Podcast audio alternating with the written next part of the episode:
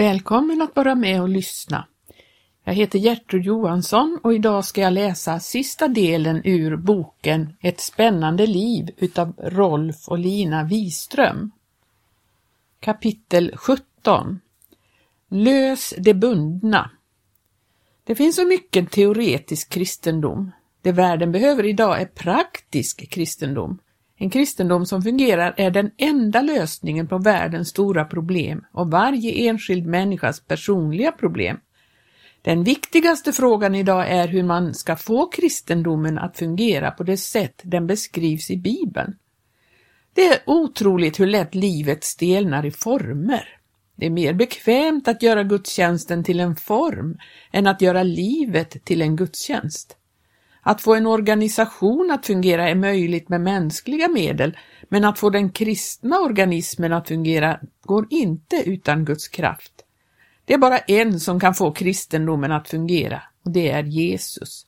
Han som gav kristendomen namnet, han är den enda som kan ge det kristna kraften. Han kan det därför att han lever.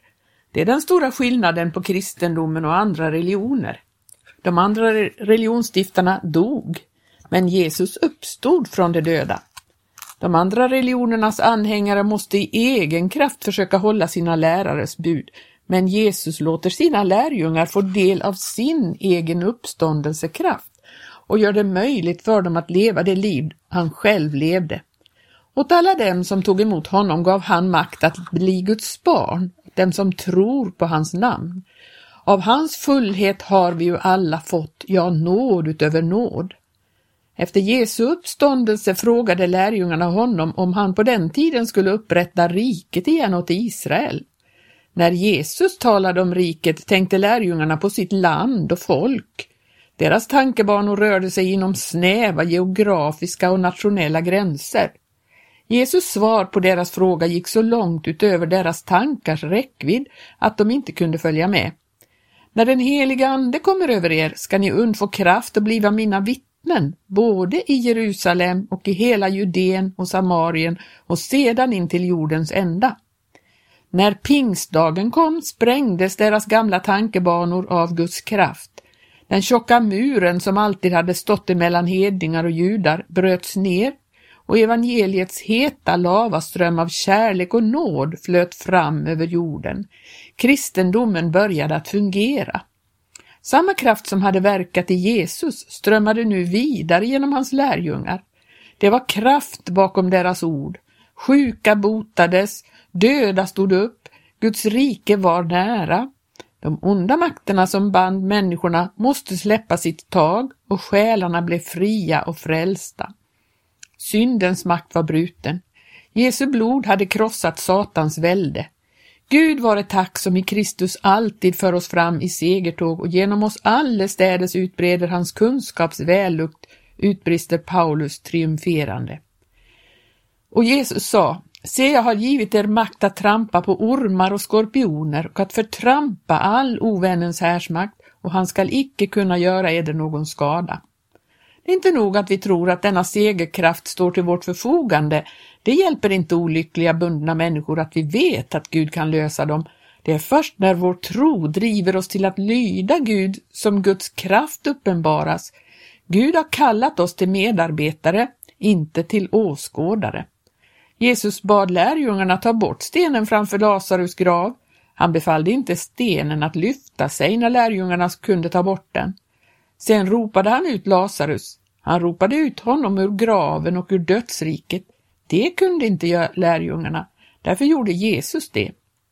Lazarus trevade sig fram till gravens öppning. Ansiktet var inhöljt i en duk så att han inte kunde se. Händerna och fötterna var inlindade i bindlar så han hade svårt för att gå och röra sig. Lärjungarna stod och såg förskräckta på den stackars bundne mannen utan att komma sig för att hjälpa honom. Jesus måste säga till dem att de skulle lösa honom och låta honom gå. Då löstes lärjungarna från sitt passiva tillstånd.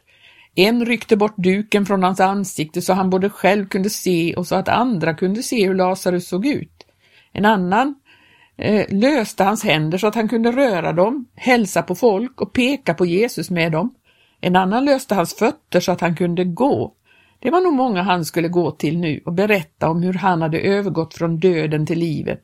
Vi kan inte ge människor liv, det kan bara Jesus, men vi kan lösa dem och hjälpa dem. Många blir lösta bara av förkunnelsen. De behöver inte hjälp till att se sig själva. De känner sig själva. Evangeliet och Guds ord ger dem omedelbart svar på deras frågor. De sitter och lyssnar sig till frälsning, frigörelse och tro. De tar emot Guds ord med glädje och går villigt dit Guds ande leder.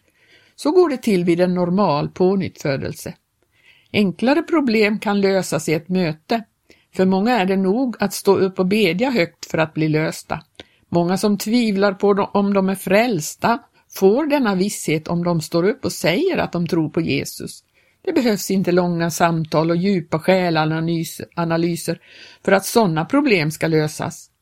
Om du med din mun bekänner Jesus vara Herre och i ditt hjärta tror att Gud har uppväckt honom från de döda, då bliver du frälst, sa Paulus. Genom denna enkla bekännelse har stora skaror fått frälsningsvisshet och frälsningsglädje. Själavård är ett fint och högtidligt ord. Det leder tankarna till specialutbildade och specialbegåvade personer som med en läkares skicklighet och vana letar och frågar sig fram till sjukdomens dolda orsaker. Den själavård en människa behöver som har ansiktet inhöljt i en duk är att någon rycker bort duken. Det hon behövde var inte predikningar om människofruktan men, men en kärleksfull hand som i det rätta ögonblicket hjälpte henne av med duken utan alltför många kommentarer. Någon specialutbildning behövs inte till det, inte heller någon särskild gåva, men man måste vara ledd av Gud. Den sanna kärleken är varken brutal eller sentimental.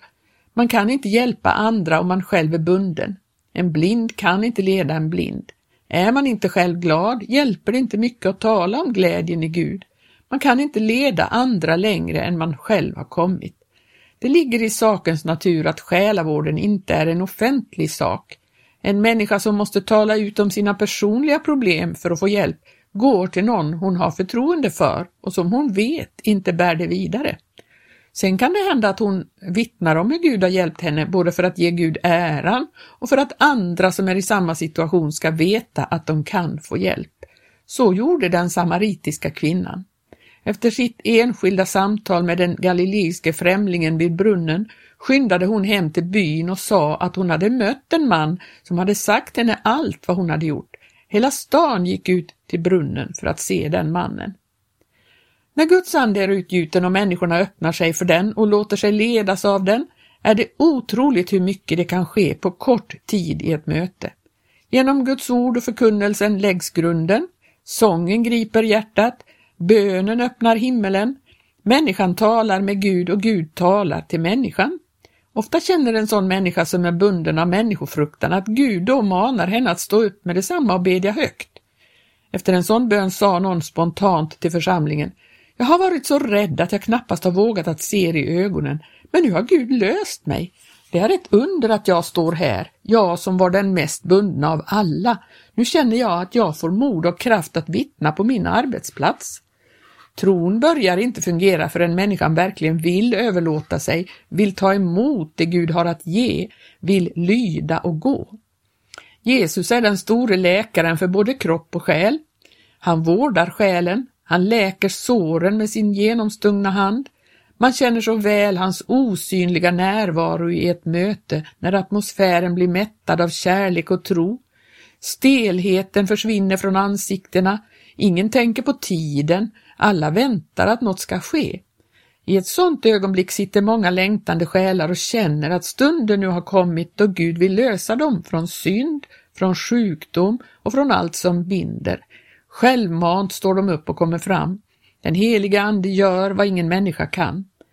Människofruktans förlamande makt måste vika. För första gången vågar den bundna tungan offentligt bekänna Jesu namn. Om vi hade andliga ögon skulle vi se hur fiendens härar drar sig bävande tillbaka när människor som aldrig har vågat det förr åkar Jesu namn. Många gånger har jag sett hur den heliga Ande har fallit över sådana själar. De har blivit som förvandlade i ett ögonblick. De har börjat tala i nya tungor. De har blivit botade från sjukdomar. De har mottagit en mäktig kallelse ut till missionsfältet.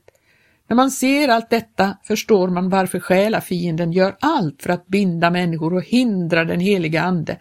Efter sådana möten går människor nästa dag till sin arbetsplats och bekänner för första gången att de är frälsta. Den blygaste av alla får mod. En kvinna satt i ett sådant möte och fick tro för att hon också kunde bli löst. Hon såg till sin stora förvåning hur den ena efter den andra kom fram och blev löst. Det var sådana hon visste aldrig hade öppnat sin mun till en bön. Då tänkte hon resa sig för att gå fram. Men plötsligt kom hon ihåg att hon hade ett par gamla skor på sig. Om jag går fram tittar alla på mina skor, tänkte hon, och så blev hon sittande. Nästa kväll kom hon till mötet med sina nya skor på sig. Anden verkade ännu mäktigare än kvällen förut och det skedde under omkring henne, men hon satt kvar. Hon gick förtvivlad hem. Under gråt och bön mognade den natten det stora beslutet att betala priset och lyda Guds maning. Nästa kväll kom hon fram och böjde sig. Hon blev löst från sin feghet. Hon bad högt och hon vittnade med detsamma om det hon hade upplevt. När jag kom med de nya skorna så kände jag att det inte var i skorna jag var bunden, det var i hjärtat. Hon var en strålande personlighet skapad till själavinnare. Det är just sådana personer, personer fienden är så intresserad av att göra odugliga till de uppgifter Gud har kallat dem till. De lider av att sitta passiva i mötena. De längtar efter att gå ut till människorna med frälsningens budskap, men de kommer inte igång förrän fegheten i hjärtat drivs ut av Guds ande. Man kan aldrig utöva själavård schematiskt som på löpande band. Varje människa är ett specialfall. Man får aldrig ha bråttom i själavården. Människor behöver tid på sig till att tala ut. Det är jäktet i vår tid som förorsakar så många problem. Människans själ är inte skapad för jäkt, lika lite som blommor och träd. Naturen följer livets lagar, Själslivet har också sina lagar som det är farligt att rubba. Den helige Ande jäktar aldrig. Vår tid har försummat själens behov, därför finns det så många nervösa människor idag. En del tidstypiska sjukdomar har sin direkta orsak i jäktet. Själen får ingen ro. Man ger kroppen lugnande piller, men själen längtar efter frid.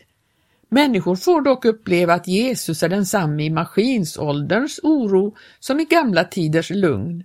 En arbetare kan få frid i sin själ bland surrande hjul i fabriken lika väl som en bonde på åkern. Människor som brottas med stora problem söker efter någon de kan tala ut med, någon som de tror vill förstå dem. En löst och fri och glad kristen får alltid uppleva att människor kommer till honom med sina problem. Då det är normalt för en kristen att vara löst och fri och glad betyder det att alla kristna egentligen borde vara själavårdare. Själavinnandet kan knappast skiljas från själavårdandet. De går in i varandra utan skarpa gränser.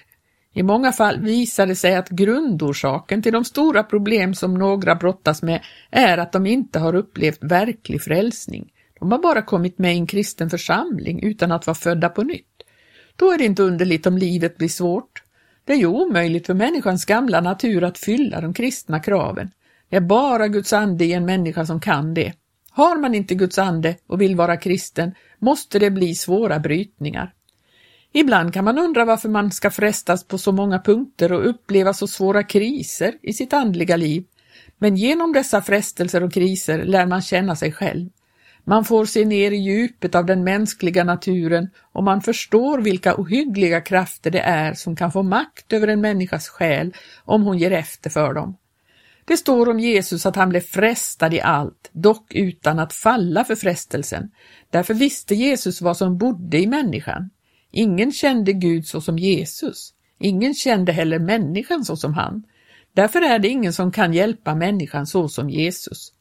Som psykolog är Jesus ett geni jämfört med vilket alla andra psykologer framträder som dilettanter.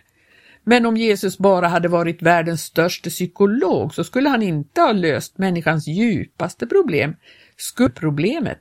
Det problemet löses inte genom analys, det löses endast genom offer. Därför gav Jesus sitt eget oskyldiga liv för att vi, genom att ta emot detta offer, skulle få förlåtelse för att vi är så onda som vi är och har gjort så mycket som vi aldrig kan gottgöra. inte ens om vi gav vårt liv för att sona vår skuld. Vårt blod har ingen försonande kraft, det är orent. Men blodet av Guds rena oskyldiga lamm förmår att tvätta bort varje syndafläck i människans själ. En kvinna som var ateist och kommunist hade av nyfikenhet gått till ett möte. Hon sa att det var humbug och suggestion och varnade folk för att gå dit. Men själv kunde hon inte låta bli att komma igen för att se på humbuggen. I det mötet tyckte hon att hon blev överbevisad om att predikanten hypnotiserade folk. Jag kände hur han satte ögonen i mig så jag fick gömma mig bakom ryggen på den som satt framför för att han inte skulle få makt över mig, sa hon. Hon gick på flera möten och gömde sig väl bakom någon, men bara hon tittade fram så såg hon dessa ögon som gjorde henne så orolig i hjärtat. Hon vågade inte gå mera. Men så blev det dopförrättning. Då hon aldrig hade sett någon sån så tyckte hon det skulle vara intressant att se hur det gick till. Lokalen var överfylld med folk. Hon ställde sig i skymundan där risken för att bli upptäckt inte var så stor. Den ena efter den andra döptes och osfriska vittnesbörd. Hon blev så gripen att hon glömde att gömma sig. Och plötsligt var dessa ögon där och såg rakt på henne. Ja, de såg tvärs igenom henne. Hon började darra. Allt vad hon hade gjort av synd och orätt blev blottat av dessa, denna genomträngande blick. Gud såg på henne och hon kunde inte gömma sig. Hon visste inte hur det gick till men snart hade hon trängt sig fram genom mängden och stod vid dopgraven och ropade Be till Gud för mig, jag är en så stor synderska. Hon böjde knä. Hon fick förbön och blev frälst och då frågade hon, kan inte jag få bli döpt med detsamma? Hon fick det. Efter en stund efter stod hon i dopgraven. Hon vittnade om hur Gud hade kallat henne hela tiden och hon berättade med humor om hur hon hade gömt sig. Hon bad offentligt om förlåtelse för att hon hade sagt att det var suggestion och hypnos. Men hon hade lite svårt för att tro mig sen när jag sa att jag absolut inte hade lagt märke till henne i mötena. Hur skulle jag kunna hypnotisera som är så närsynt så ansiktena i ett möte ofta flyter ihop till en dimma? Behovet av själavård är mycket stort. Det är naturligt att medlemmarna i en församling går till föreståndaren för att få hjälp. Men i en stor församling finns det ingen möjlighet för föreståndaren att hinna med allt. Då händer det ofta att några medlemmar blir gående där utan att få kontakt med andra. I många fall skulle de komma ut ur sin ensamhet om de bara började be Gud om ledning till att tänka på andra och andras behov och snart skulle de då till sin förvåning upptäcka att de själva blev själavårdare de skulle få ge kärlek istället för att gå omkring och kräva kärlek. Det var en kvinna som i många år gick som en främling i en stor församling. Själv hälsade hon inte på någon och följden blev att ingen hälsade på henne heller. Hon var bunden och förtryckt och hade inte kommit in i Guds vilja med sitt liv. Om man går omkring och kräver gemenskap och väntar att andra ska visa en kärlek, då blir man gående ensam. Verkligheten är en personlighet, men hon hade aldrig utvecklats. Efter vad hon själv sa berodde det på att hon inte gjorde vad Gud manade henne till när hon som ung flicka blev frälst. Då manade Gud henne att både vittna och bedja i de små mötena när hon var med, men själafienden viskade till henne att hon skulle tiga därför att hon var för ung. Hon teg och förlorade glädjen. Hon läste Bibeln och ordet var så levande för henne att hon brann av längtan efter att tala, men hon teg. Hennes liv blev ett långt lidande, en härva av olösta problem och svåra kriser. Det var ett under att hon blev bevarad i frälsningen. Gud löste henne till slut. Då hördes hennes röst för första gången i ett möte när hon stod upp och vittnade och tackade Gud. Gud manade henne att gå och besöka gamla och avsidestagna och sjuka och hon gick. Den plan Gud hade haft för henne när hon var ung hade slagits sönder, men Gud hade en ny plan för henne hon fick inte tid att tänka på sig själv. Hon var inte längre ensam. När hon bad grep Gud hennes ande och drev henne till förbön för missionärer på hednafälten, för länder och folk och en hel värld. Hon tjänade Gud mer än hon själv förstod. Kapitel 19 Betala priset En planta måste ha värme för att växa. Den trivs inte när temperaturen sjunker. Det är likadant med själen. Den kräver en viss gynnsam atmosfär för att utvecklas. Kritik och fruktan kyler ner temperaturen i församlingen. De som är med och skapar denna kyla tänker inte på att det går ut över alla fina känsliga själar. När människor ber varandra om förlåtelse och böjer sig för Gud så får kärleken genast temperaturen att stiga. Då stöter Guds ande inte på murar i hjärtana. Den sprider sig genom osynliga kanaler till alla cellerna i församlingskroppen. Då skapas den atmosfär som är nödvändig för själavård i ett möte. När man tänker på detta förstår man vilket ansvar vi alla har för varandra. Om jag går omkring och är kritisk, rädd och bunden och sjunker ner i missmod och otro är det inte min privatsak. Då är jag en sjuk cell i kroppen som sprider livsdödande gift omkring mig. Det är min plikt att både mot mig själv och andra att jag gör vad på mig beror för att bli frisk. En tbc-sjuk person kan smitta ner hela sin familj om sjukdomen inte blir upptäckt i tid. På samma sätt kan ett orent hjärta fördärva sin omgivning. Det hjälper inte om graven är kalkad och fin utanpå, sa Jesus. Inuti är den full av de dödas ben.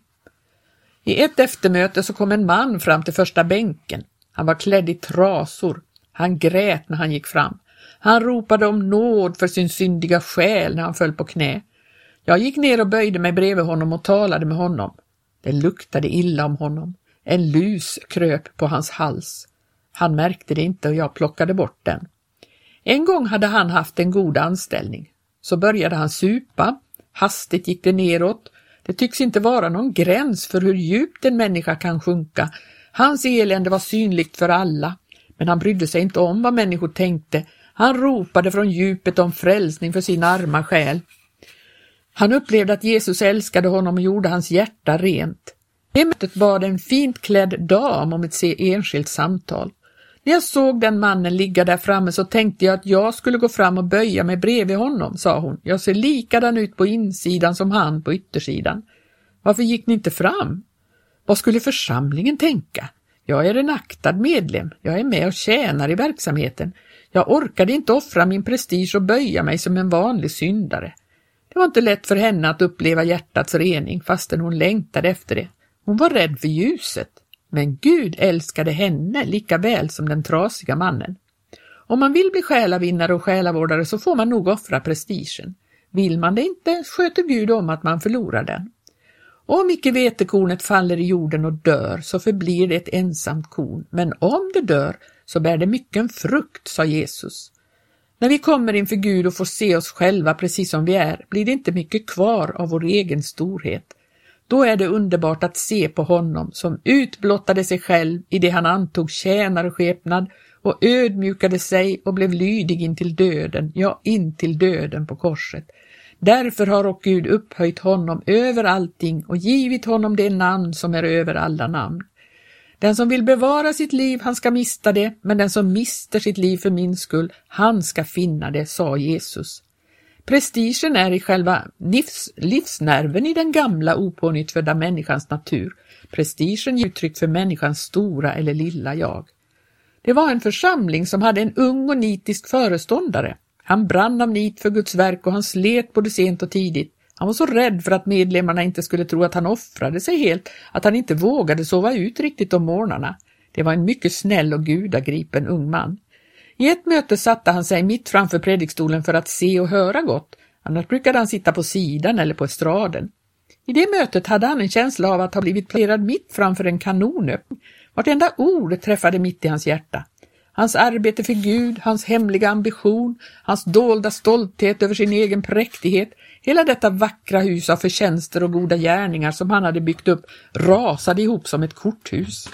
Innan jag riktigt hade slutat tala såg jag nästan till min förskräckelse att den älskade brodern reste sig och stöp direkt i golvet och stönade gråtande Be till Gud för mig.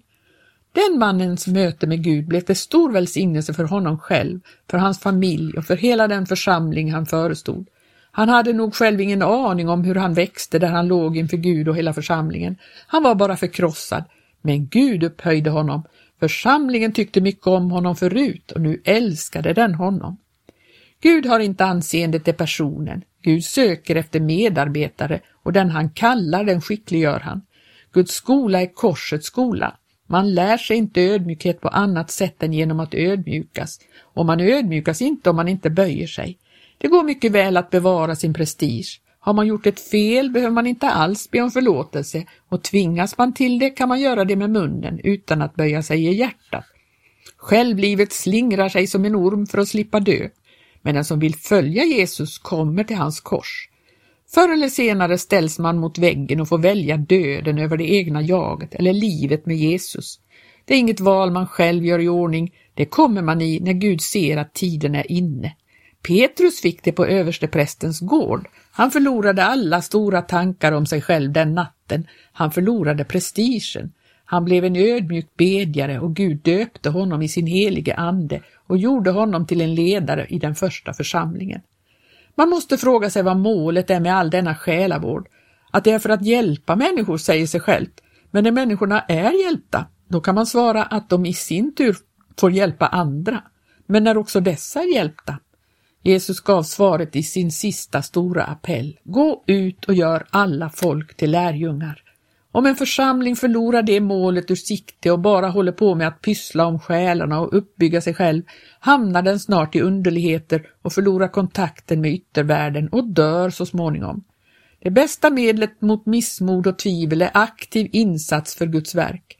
Skörden mognar över hela vår värld idag, starkare än någonsin kallar Jesus på skördemän. Allt vad synd heter i våra liv är ett hinder för Guds verk. När vi renar oss och helgar oss är vi indirekt med om att påskynda det väldiga skördarbetet. När allt är klart och vi är helt överlåtna i Guds vilja blir vi direkt engagerade i kampen. Det är av allra största betydelse att soldaterna så fort som möjligt blir friska så de kan sättas in i frontlinjen. Kristendomen är inte bara en tröstens religion för gamla och en hjälp för sjuka, lika lite som ett lands militärväsen bara sysslar med sanitet och hjälpförband. Kristendomen är en världserövrande religion. Om den förlorar offensivandan förlorar den sin verkliga natur. Låt oss göra allt vi kan för att komma in i Guds plan med våra liv. Här är det inte frågan om smått eller stort. Allt hänger ihop. Alla kan vara med. Alla kan börja just nu. Ju fler det är som Gud får leda, desto större utsikter är det för att hela kristenheten kan komma in i Guds plan för en världsvid väckelse. Om du har saker i ditt liv som du inte har gjort upp med Gud och människor så kom ihåg att du är med om att fördröja Guds plan. Tänk på att det gäller frälsning för miljoner idag. Se ditt eget liv mot denna bakgrund och du ska inte dröja att lyda Gud, vad det än är frågan om. Då ska du få erfara att du kommer med i den stora gemenskapen av kämpande och segrande lärjungar som i denna stund är spridda över hela vår jord. Aldrig kommer du då att känna dig ensam mer. Aldrig kommer du att säga att du inte har fått någon uppgift. Du kommer att bli ett ljus i mörkret och elden i din själ kommer att tända andra. Din tro kommer att smitta av sig på din omgivning. Du blir en lycklig människa.